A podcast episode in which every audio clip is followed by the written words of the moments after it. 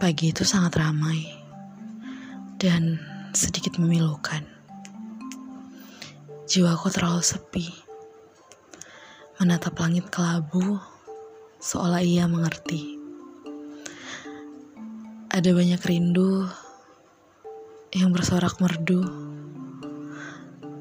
saling tak berirama. Nyanyiannya bagaikan rintihan yang sedikit menyayat hati.